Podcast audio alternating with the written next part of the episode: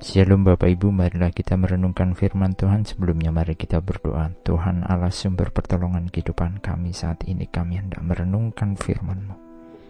Biarlah roh kudus yang pimpin kami. Di dalam nama Tuhan Yesus kami berdoa. Amin. Bacaan saat ini diambil dari Yohanes 14 ayat 18.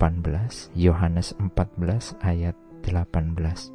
Aku tidak akan meninggalkan kamu sebagai yatim piatu aku datang kembali kepadamu. Mungkin kita pernah mengalami suatu masa di mana kita ditinggal seorang diri atau merasa sendirian. Semisal seorang anak yang ditinggal sendiri oleh orang tuanya, seorang diri di rumah atau di suatu tempat. Walau itu dilakukan tidak lama, tetapi semasa tidak ada orang tuanya di dekat kita, kita merasakan ketidaknyamanan, mungkin juga ketakutan. Hal ini sangat terasa ketika kita kehilangan orang yang menjadi teman bicara, tempat bergantung, tempat berkeluh kesah, baik itu orang tua kita atau sahabat dekat kita. Kita akan merasakan suatu kesedihan yang sangat. Ketika Tuhan Yesus memberitahukan kepergiannya, hal ini dirasakan semua murid sebagai rasa ketakutan seperti seorang anak yang hendak ditinggal oleh orang tuanya. Ketakutan karena berpikir kepada siapa lagi mereka akan bersandar, bahkan mungkin mereka merasa akan ada ancaman dari kondisi sekeliling. Para murid tahu ketika Tuhan Yesus berbuat kebaikan, mengadakan mujizat, mengajar, menegur kehidupan dosa, serta mengajak bertobat.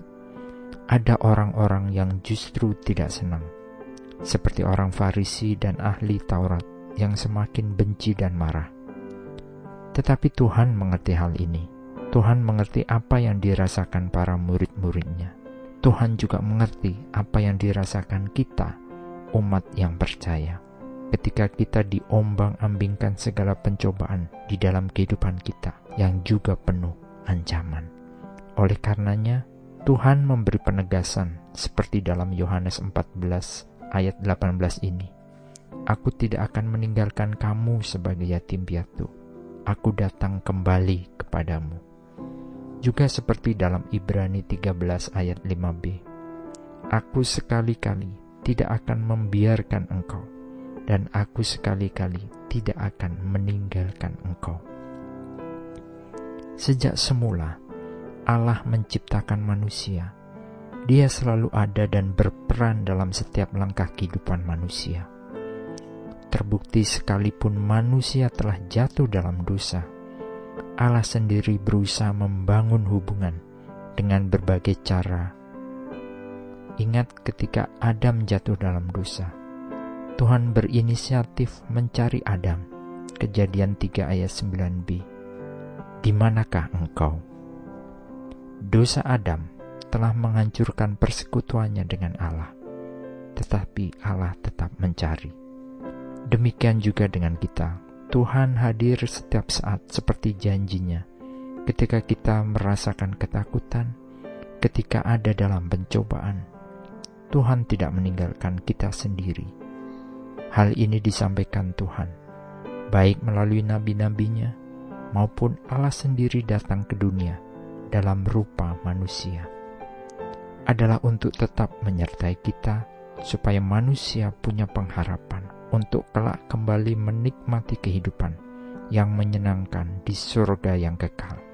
Tuhan selalu intervensi dalam setiap kehidupan manusia. Kenapa? Karena Tuhan punya rencana yang baik buat manusia, dan Dia amat mengasihi umat ciptaannya. Amin. Mari kita berdoa. Bapak Surgawi, terima kasih karena Engkau tidak pernah meninggalkan kami. Tuhan mengirimkan roh kudus Tuhan untuk selalu bersama-sama dengan kami dan hidup di dalam diri kami.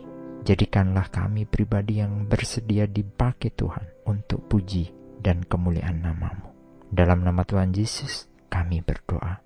Amin. Tuhan Yesus memberkati. Shalom.